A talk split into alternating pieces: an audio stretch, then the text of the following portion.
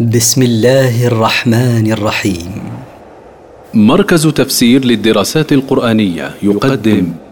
المختصر في تفسير القرآن الكريم صوتيا. برعاية أوقاف نوره الملاحي. سورة الإخلاص. مكية. من مقاصد السورة. تفرد الله بالألوهية والكمال وتنزهه عن الولد والوالد والنظير.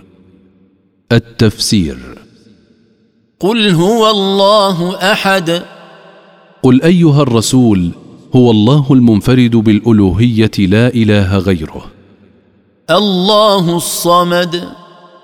هو السيد الذي انتهى إليه السؤدد في صفات الكمال والجمال الذي تصمد إليه الخلائق. لم يلد ولم يولد. الذي لم يلد أحدا ولم يلده أحد فلا ولد له سبحانه ولا والد. ولم يكن له كفوا أحد.